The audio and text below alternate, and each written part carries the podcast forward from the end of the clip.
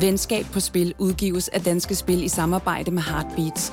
Husk, at man skal være minimum 18 år for at spille om penge, og at man altid skal spille med omtanke. Hvis du kan genkende dig selv eller nogen, du kender, i de risikotegn på spilproblemer, som podcasten kommer ind på, så opfordres du til at søge professionel hjælp. Du kan kontakte Spillemyndighedens hjælpelinje Stop Spillet på 70 22 28 25 eller udluk dig for spil via Rufus.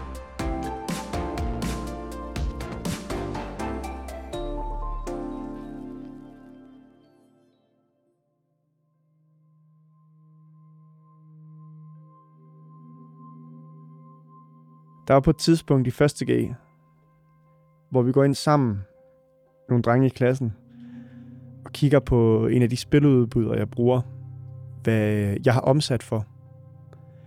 Kan du huske, hvor meget det var? Var det ikke en halv million? Det kan du gange med tre. Det var halvanden million.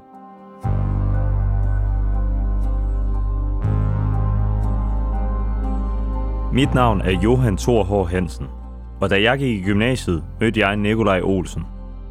Vi blev hurtigt venner og begyndte at hænge ud. Men på det tidspunkt havde jeg ingen idé om, hvad vi skulle ende med at gå igennem sammen. For havde jeg vidst det, så er jeg ærligt talt ikke sikker på, at vi var blevet venner. For Nikolaj er nemlig ludoman. Og selvom han i dag er spilfri, så kaster det stadig lange skygger over vores venskab.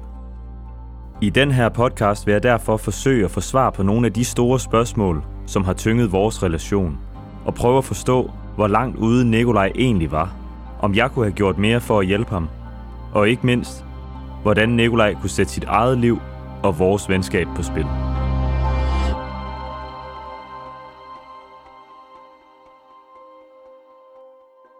I første afsnit rev vi op i det dybeste sår i mit og Nikolajs venskab, da vi endelig fik snakket New Zealand-episoden igennem. Og hvis du ikke har hørt det afsnit endnu, så anbefaler jeg, at du går tilbage og lytter til det, før du fortsætter her. Men der er stadigvæk masser af ting, som jeg er usikker på vedrørende Nikolajs ludomani. Og en af de ting, som har fyldt meget i mit hoved, er tanken om, hvad vores gymnasietid og især drengegruppen har betydet for hans forhold til gambling. Der er slukket lys herinde. Tror du, det tænder, hvis man går ind? Derfor har jeg taget Nikolaj med tilbage til vores hjemstavn og Varde Gymnasium, hvor vi for 10 år siden slog vores folder i Z-klassen. Så er vi sgu tilbage. Det var her, vi, øh, her vi mødte hinanden. Her vi lærte hinanden at kende. Det er, det er virkelig rart at være tilbage. Og der er så mange gode minder her, som jeg for altid vil huske. Ja.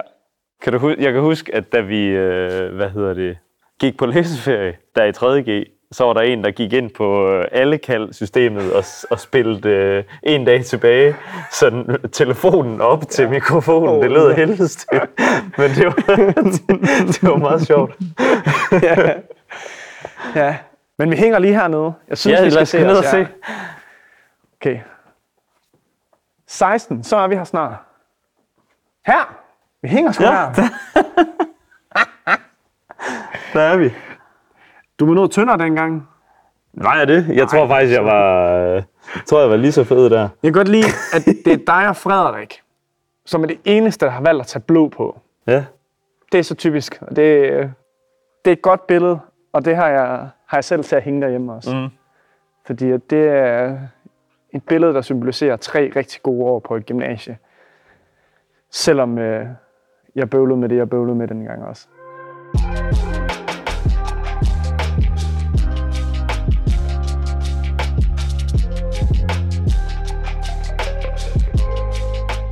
Jeg ved ikke rigtigt, hvad der egentlig gør gymnasietiden så speciel. Men da vi træder ind på vores gamle skole og ser os selv på billedet, så vælter alle følelserne pludselig ind over mig igen. Usikkerhed, akavethed, hjertesorger og eksamensangst. Vi var bare en stor forsamling af hormonfyldte post-teenage-kroppe. Men da jeg startede på gymnasiet, var det egentlig ikke i samme klasse som Nikolaj. Jeg mødte ham først efter et halvt år, da jeg skiftede klasse og pludselig dumpede ned i en drengegruppe under udenformning. Og jeg kunne godt tænke mig at vide, hvordan Nikolaj egentlig selv oplevede den tid, og hans egen rolle i vores klasse.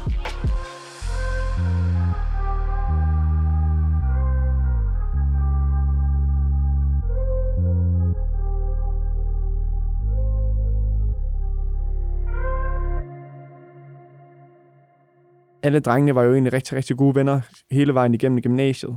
Og det var også i første G, var det ikke det, vi var i Dortmund? Og se fodbold? Eller var det i 2G? Det var i 2G. Okay. Det Ja. kan jeg også huske som en af vores, øh, vores fælles ture, øh, vi var på sammen med to andre klassekammerater, hvor vi kørte i en sæter langs øh, Deutschland Autobahnen med 160 km i timen i en sæter. Det gør jeg aldrig igen. Men jeg, ved, ikke- jeg, kan stadigvæk ikke, jeg kan ikke sætte ord på, hvornår det var sådan helt rigtigt, vi startede med at snakke. Det kom bare meget naturligt. Men jeg kan huske fra lige da jeg lærte dig at kende, altså sådan, så fik jeg hurtigt indtrykket af, at du var sådan lidt stor i slaget. Du havde bil allerede, og du fik øh, udboende SU, og du arbejdede ude i, i Henne på det tidspunkt også. Du var ikke sådan big spender, øh, kører i leaset bil til, øh, Nej. op til, til skoleporten. Men øh, det var altid dig, der førte anden, når vi skulle i byen, husker jeg. Ja, det var ret vigtigt for mig, at vi havde en rigtig god dynamik i klassen, fordi altså, jeg var meget, meget social menneske og socialt anlagt. Så det der med, at det skal ikke bare være skole, det skal være så meget andet, det var ret vigtigt for mig dengang. Hvordan ville du gerne fremstå sådan over for os andre? Jeg vil meget gerne fremstå, som om jeg har styr på det. Det er jo vigtigt for mig, at, at folk godt kunne lide mig. Fordi jeg er egentlig et ret følsom menneske. Jeg sidder tit med følelserne ude på tøjet. Og det er vigtigt for mig, at, at folk omkring mig godt kan lide det nærvær, jeg giver, og kan lide den person, man er sammen med.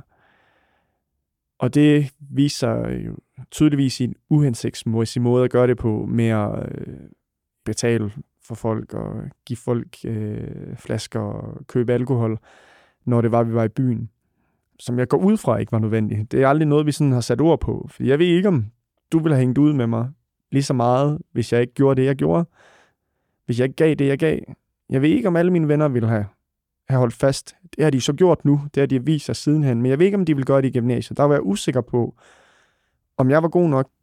Jeg har tit taget mig selv i at tænke, også i gymnasiet, sådan at, at Nikolaj, du behøver ikke at gøre det her for os, eller du behøver ikke at betale for det her. Vi er alle sammen studerende og har ikke mange penge at ruffe, men du, i, mit, i mit hoved behøvede du ikke at skulle bevise noget med materialistiske ting. Men det fornemmede jeg også, at, at det, det spillede en vigtig rolle for dig. Ja, Det synes jeg også, det gjorde. Det spillede, en, det, spillede, det spillede faktisk en rigtig vigtig rolle, om, også en for stor rolle i, hvordan folk efterfølgende har set mig. Jeg snakkede med en, som helt random mødt på stallen i, Han, i Klitmøller, hvor jeg nogle gange går ind for at drikke en øl og kender dem, der ejer det. Og øhm, der stod så en fra gymnasiet, som jeg ikke har set rigtig, rigtig længe, og egentlig ikke har snakket med så meget med gymnasiet. Og jeg fortalte det her med, min, med mine problemer, og vi havde en sindssyg snak, hvor jeg kom til at spørge, hvad så du egentlig sådan i gymnasiet med mig, og hvad, hvordan tænkte du mig som i gymnasiet? Hvor jeg sådan fik et, et svar med, i hvert fald ikke det, jeg har set de her tre dage, jeg har været heroppe. Det er noget helt anderledes. Og der kunne jeg godt mærke sådan, altså det slog mig ret hårdt i, at, at der var nogle ting i gymnasiet, som ikke egentlig var så gode. Den måde at, at fest på, og ting hele tiden skulle blive vildere, ville jeg nogle gange gerne have været forude. Fordi det var måske egentlig ikke helt sådan, jeg var som person. Hvad betød gymnasietiden og den kultur, vi havde drengene i blandt, hvad tror du, den har betydet for dine spilproblemer? Altså, jeg tror, det er gymnasiet, hvor, hvor jeg tager trinbrættet til, at det skal stikke af. Det er ligesom de år, hvor kulturen bare omkring det er meget spil. Og der bliver ikke snakket om de negative sider ved det. Fordi at jeg ludomani på det tidspunkt er ikke noget, som er super meget søgelyset. Og at det er meget nyt, det der med, at man kan gamble online. Altså, det er så nemt at gøre. Altså, det er en app på din telefon. Du skal swipe fire gange, så har du smidt 500 kroner. Og der var ikke nogen, der sagde til mig, det du har gang i her, det kan altså få nogle store konsekvenser senere hen.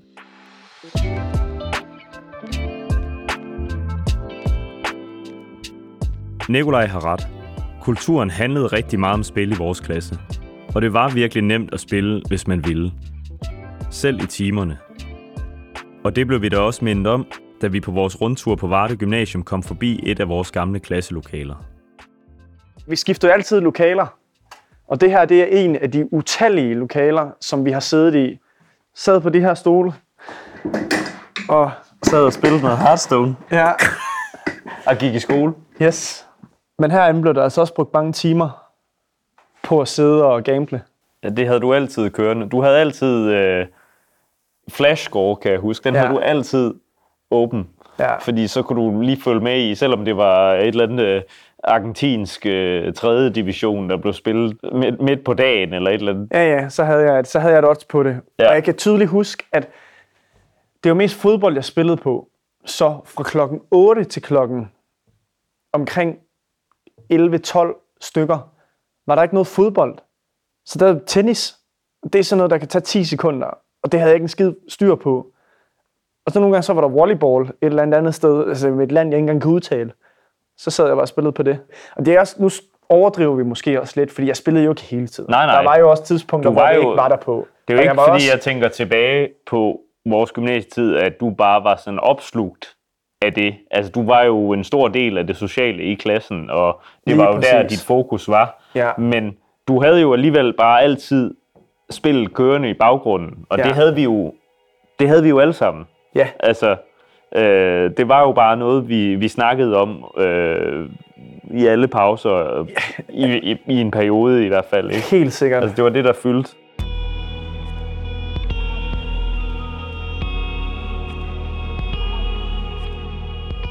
Gambling var en del af vores hverdag.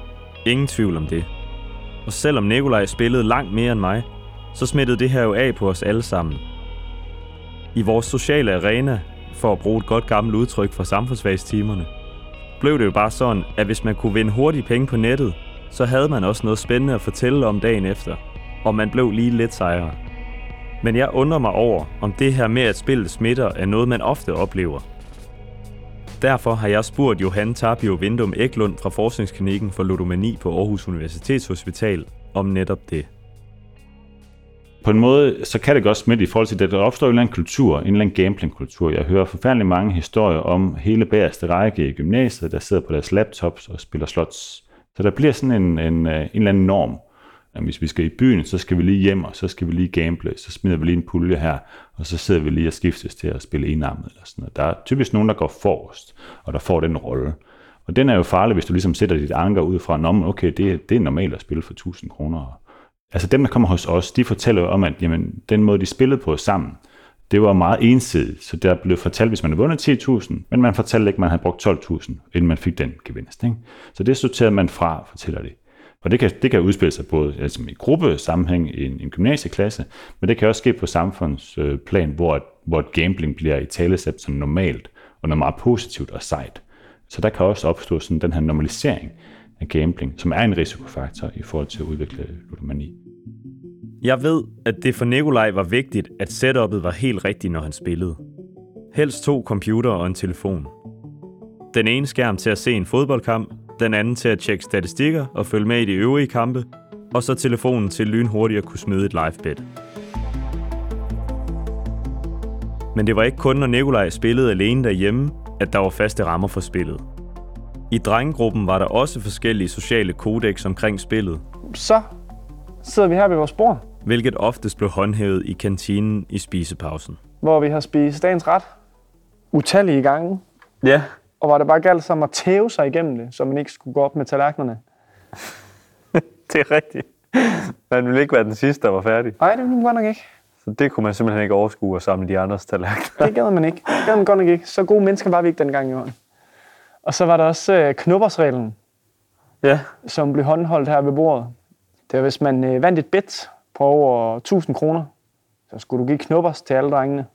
Og det var jo ni styks knuppers af 5 kroner stykket. Det er jo sådan nogle ting, man kan argumentere for. Vi, vi har jo også nok øh, selv øh, fodret den øh, ludomani der så endte med at, at gribe om sig, ikke? Ja. Altså med den måde, de ritualer, den måde, vi snakkede om spil på i gymnasiet. Altså, jeg følte sådan, for mit vedkommende var det, altså, du kender mig, jeg går ikke særlig meget op i fodbold. Det var mest bare sådan noget, jeg påtog mig for ligesom at være en del af fællesskabet. Ja. For at kunne snakke med om det, alle de andre snakkede om og gik op i. Ja, altså vi havde jo også en i klassen, som ikke, øh, som ikke oddsede, men som var virkelig god inden til fodbold og vidste meget omkring kampene. Jeg kan huske, at en af de første gange, der beder jeg ham om at lave en øh, oddskupon til mig på ni kampe. Øh, 50 kroner skulle jeg spille, så ville jeg have vundet 151.000. Jeg spillede den ikke, fordi altså, det var mange kampe, jeg tænkte, det går da ikke hjem, det kan ikke passe. Den gik så hjem første gang.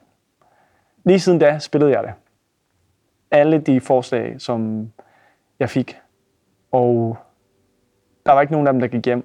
Så er der på et tidspunkt en dag, hvor, hvor jeg fik en. Og den nåede jeg ikke spille. Den gik så hjem.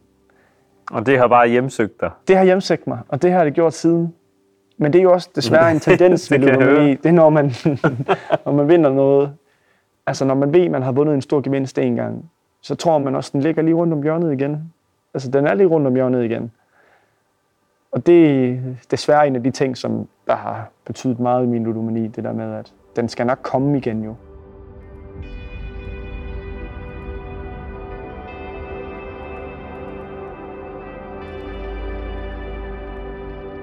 Hvis vi skal være helt ærlige, så skylder Nikolaj nok stadig os andre en knuppers eller to.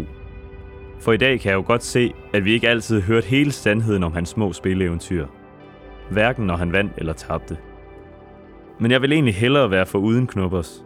For jeg tror, at det var en af de her små ting, der var med til at puste flammer i den glødende ludoman, som nok allerede boede inde i Nikolaj.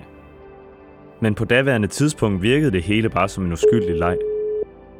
Men jeg vil gerne vide, om nogle af de andre så noget andet. Hallo? Derfor har jeg ringet til vores ven Frederik. Hej Fred. Hej. Kan du ikke bare måske starte med at fortælle mig om, hvornår det gik op for dig, og hvordan du oplevede det, at Nikolaj havde et spilproblem? Men jeg tror først, det, er sådan, det går først op for, for mig, og sådan tror jeg også, de fleste har det, at, øh, at det var først efter gymnasiet, at det gik op for hans venner, at der, at der egentlig var et problem. Fordi sådan det der med at, øh, at odds og sådan noget, det, det var der jo, det er der mange, der gør nu. Det gør det også selv stadigvæk. Men, men i gymnasiet der, der gjorde vi det jo alle sammen. Altså sådan meget der, jeg tror slet ikke, der var nogen, der stoppede op og tænkte, at det kunne udvikles til ludomani for nogen. Det, at der kunne være et problem, det eksisterede slet ikke sådan i vores bevidsthed. Men jeg tror, det var nok først, øh, der, da det skulle have været til New Zealand. Men min oplevelse af det, det var, at det var sådan, åh, ja, det var sgu ikke så godt. Og det, det sker ikke igen, agtigt. Og det fortsatte jo bare med at være et problem. Og der tror jeg egentlig, man i lang tid, hvor man, inden man sådan tænkte, okay, nu er det jo godt nok ved at være helt skidt.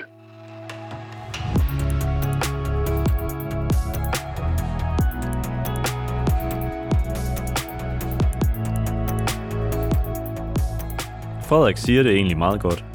Det, at der kunne være et problem, eksisterede slet ikke i vores bevidsthed. Og jeg var tydeligvis ikke den eneste, som overså faresignalerne. For de var der, og jeg har ofte bebrejdet mig selv for, at jeg ikke var i stand til at se det. Og det er altså ikke kun knuppers, faste kuponer og andre små røde flag, som vi forsømte at reagere på. Der var på et tidspunkt i første G, hvor vi går ind sammen, nogle drenge i klassen, og kigger på en af de spiludbydere, jeg bruger, hvad jeg har omsat for. Kan du huske, hvor meget det var? Det tror jeg godt, jeg kan. Var det ikke en halv million? Det kan du gange med tre. Det var halvanden million, jeg havde omsat for. Nu skal vi lige være klar i spyttet med, hvad omsætningen betyder. Det betyder, at hvis jeg går ind og lægger tre bets af 500 kroner, lige meget om jeg vinder eller taber, så har jeg lagt 1.500 kroner ind. Det vil sige, på en eller anden måde, så er gået nok penge ind og ud af min konto, til jeg kan have omsat for halvanden million. Vi snakker en knægt, der er mellem 18 og 20 år, der omsætter for halvanden million. Og på det tidspunkt var det ikke øh, blackjack, casinospil, live casino. Det var ren sportsbetting. Med halvanden million kroner, det er mange penge. Mm. Det kan jeg tydeligt huske, da du viste mig det. Og, og det er også noget, jeg har vendt tilbage til og tænkt sådan, hvorfor var der ikke nogen alarmklokker, der ringede ind i, ind i mit hoved, da jeg så det, fordi det var voldsomt mange penge. Det var på et tidspunkt, hvor at, øh, den der hjemmeboende SU på, på, på 1300 kroner, den kunne øh, dække alt det spas og løjer, jeg havde brug for. Det var voldsomt mange penge. Men jeg kan ikke huske, hvad jeg sådan helt sagde til det. Jeg tror, jeg, jeg havde en, øh, jeg havde en opfattelse af, at øh, du vidste, hvad du lavede. Jeg tror desværre også, at den måde, jeg udstrålede tingene på, var med lidt en, jeg ved ikke, om jeg kan sige arrogant, men meget en fornemmelse af, okay, han skulle egentlig ret godt styr på det. Jeg tror, jeg kom til at udstråle det. Altså, fordi jeg, jeg havde tydeligvis ikke styr på det. Man kommer ikke ud med et underskud, hvis man, øh, hvis man har styr på noget. Og jeg har aldrig nogensinde regnet helt igennem, hvor meget i min gymnasieperiode, jeg har tabt for. Men jeg tror, hvis jeg skal komme med et ærligt bud, det nogenlunde ligger omkring 0, og så efter gymnasiet, der tager det overhånd. Måske et, et snart af et minus, men det er kun spekulationer. Men det eneste, jeg ved, det var, at vi tjekkede den gang, og der havde jeg omsat for halvanden million kroner. Og jeg forstår ikke, hvorfor ingen alarmklokker i mig heller på det tidspunkt har været sådan, what the fuck? Det er helt sindssygt mange penge. Altså, Det er jo over 4.000 om dagen i Ja. et helt år. Det er en, en god måned i, øh, som lukkemedarbejder i brusen. Ja. Hver Ja. dag. altså, hvis jeg tjente meget, så tjente jeg måske 5.000. Altså, det er helt vildt. Men det vidner også bare om, altså jeg har ikke kun tabt, så vil det jo ikke være muligt for mig at kunne gøre. Og det med, at det ikke i gymnasiet gik alt for galt, og der ikke var flere konsekvenser ved det, jeg gjorde, har helt sikkert været en del af, hvor det endte nu. Det har været, det har været for nemt for mig, og der har ikke været nok egen kontrol med mig selv. Så jeg har ikke været ansvarlig nok til at kunne se mig ud af det, jeg gjorde her. Det var usundt. Det kan godt være, at jeg havde 20.000 på en konto en dag, men jeg har ikke haft 20.000 i hånden jo. Altså, jeg har ingen forståelse af, hvad penge er, når man er i det univers og kan omsætte for halvanden million kroner. Det er, så, det er så vildt at tænke på. Jeg er ikke engang helt sikker på, at jeg selv forstår, hvor vildt det egentlig er.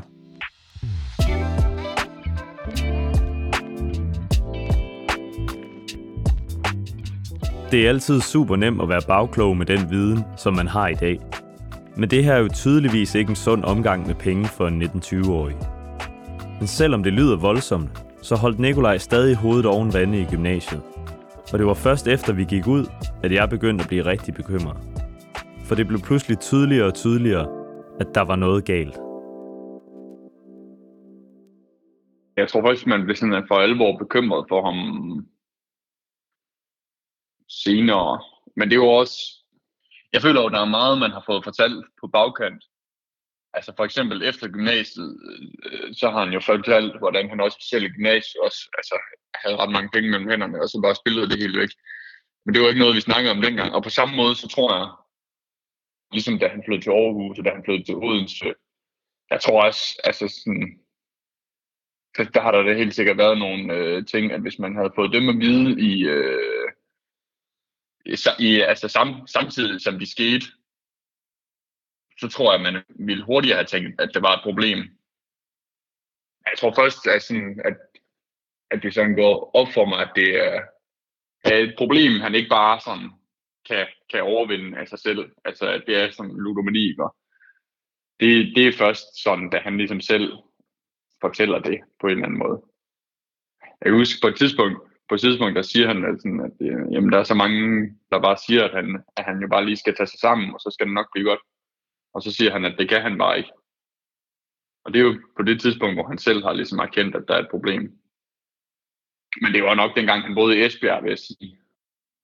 Og han fortalte om nogle af de der, at han havde lånt penge gennem de der Facebook-sider. Og det er sådan nogle lidt ubehagelige typer, han lånte penge for, og, at, øh, og, og at det er sådan nogle typer, der også vil ud og have fat i ham. På det tidspunkt, der tror jeg, altså, det begynder godt op for en, at nu, er det, altså, nu skal han have noget hjælp også.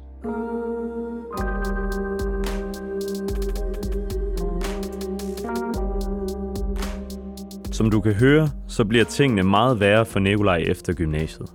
Og det skal vi nok komme mere ind på senere i serien her. For Nikolaj flygter fra sine problemer, og der går lang tid før han anerkender, at der er behov for hjælp. Og desværre går der også lang tid før, at vi andre bliver klar over, hvor slemt det egentlig står til.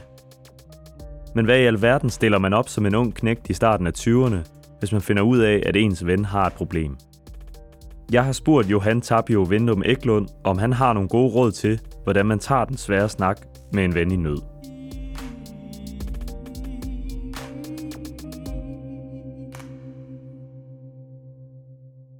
Man er først klar til at modtage hjælp, hvis man har et problem. Så man skal på en eller anden måde øh, kunne mærke det.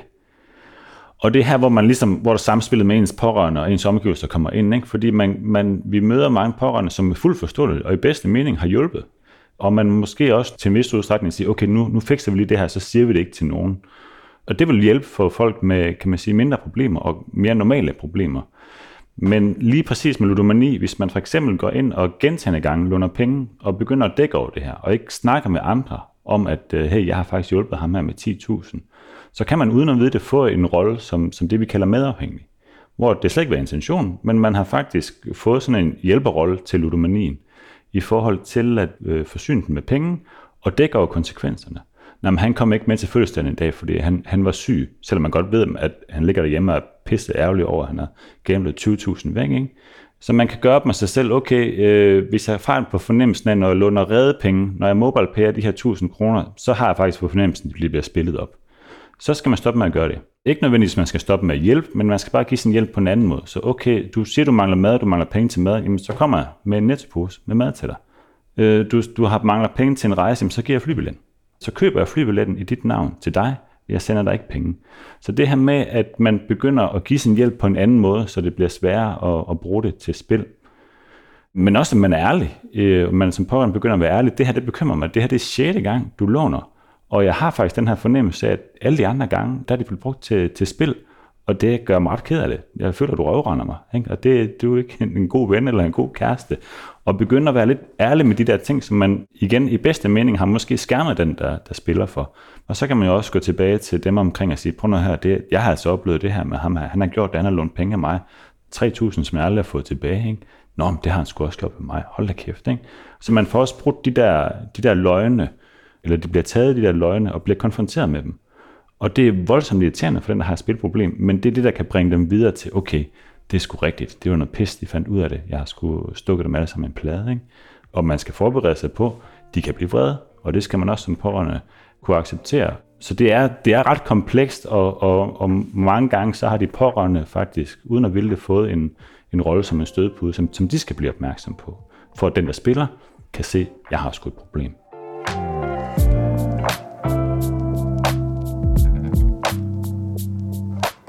For Nikolaj og jeg har ludomanien betydet en turbulent tid, hvor det hele var lige ved at knække over. Og selvom jeg godt ved, at Nikolaj og Frederik stadig er venner i dag, så har vi faktisk aldrig snakket igennem, hvordan ludomanien har påvirket deres forhold. Jeg tror, jeg har taget en sådan meget på tomandshånd med Nikolaj. Og sådan det her med, at han hele tiden ville øh, ringe og øh, låne penge og sådan noget der.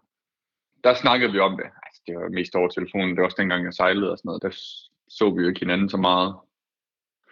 Men det var, det var jo altid sådan noget med, ah, men det skal nok blive godt igen. Øh, og han skulle, bare lige, han skulle bare lige tage sig lidt sammen, og så, så skulle han jo nok øh, få styr på det. Hvad tænker du om det? Tror du, vi kunne have gjort mere, end, end vi har gjort? Jeg tror da helt sikkert, at vi, man, at vi skulle have gjort mere for ligesom i talsætte det. Men omvendt, så tror jeg også selv, at øh, altså, så var det jo også ligesom øh, Nikolaj, der først og fremmest skulle erkende, at det rent faktisk var et problem, som man ikke selv kunne gøre noget ved. Så jeg er i tvivl, om, om det havde hjulpet at tage snakken i gymnasiet. Så på en eller anden måde, så tror jeg, det er vigtigt, at han sådan selv erkendte det. Og, det. og det var nok også først der, hvor jeg sådan begyndte at tænke, at nu bliver det lidt bedre.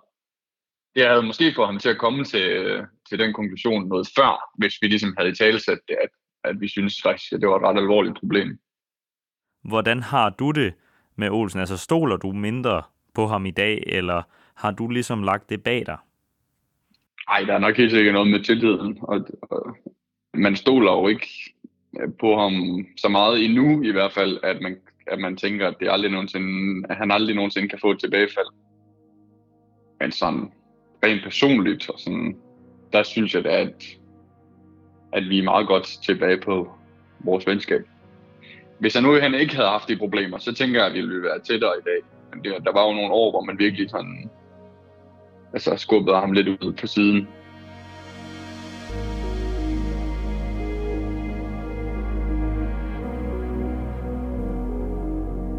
Det er faktisk rigtig rart at høre Frederik sætte ord på de her ting. For på en eller anden måde, så føler man sig mindre som en dårlig ven, når man hører, at han også har haft perioder, hvor han må tage afstand til Nikolaj. I næste afsnit forlader vi gymnasietiden og kigger fremad. Men før vi lukker det her kapitel af historien i, så har jeg stadig lige et spørgsmål tilbage til Nikolaj. For ligesom med hønen og ægget, så vil jeg gerne vide, hvad der kom først. Spilproblemet eller spilkulturen? Var det Nikolaj, som fik os andre til at spille, eller var det omvendt? Hvem påvirkede hvem? Jeg tror helt sikkert, at jeg har påvirket andre til at spille mere, end hvad de ville have gjort. Fordi at jeg har jeg har ikke altså, jeg har sagt alle de gange, jeg har tabt, frem for alle de gange, jeg har vundet. Og den stil, jeg sådan lagde for dagen med de penge, jeg brugt, ved jeg ikke, om der er nogen, der kunne tænke, og det kunne jeg da også godt gøre, hvis, hvis han kan. Hvorfor kan jeg så ikke også? Men jeg ved ikke, den kommer jeg fra min efterskole og min folkeskole. Men jeg, jeg tror ikke, man mærker det ikke lige så meget selv, når man, øh, når man sidder i det, og, og ikke kan se, at det, man har gang i, det egentlig kunne være usundt for nogen. Selvom ludomanien først for alvor kom til udtryk efter gymnasiet, så har de fleste af drengene fra klassen nok på en eller anden måde været filtreret ind i Nikolajs spin af lån og løgne. To ting, som vi kommer til at bruge flere kræfter på i afsnit 3, hvor jeg vil forsøge at blive klogere på ludomaniens anatomi, og om der er en særlig grund til, at det lige var Nikolaj, der røg i spilfælden. Når jeg startede med at skulle være på besøg og have samvær med min mor en weekend, var der stort set aldrig penge til at gøre noget.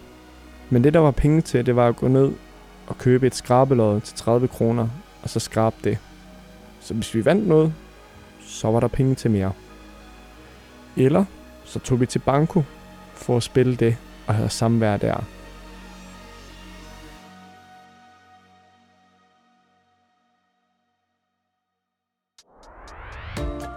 Venskab på Spil er lavet i samarbejde mellem Danske Spil og Heartbeats for at bidrage til at bryde tabuet omkring ludomani og skabe grobund for samtaler om spilproblemer mellem venner og i familier. Hvis du kan genkende dig selv eller nogen, du kender i de risikotegn på spilproblemer, som podcasten kommer ind på, så opfordres du til at søge professionel hjælp. Du kan finde ludomanitests og anden information online, som kan hjælpe dig til at blive klogere på, hvilke faresignaler, som du skal være opmærksom på.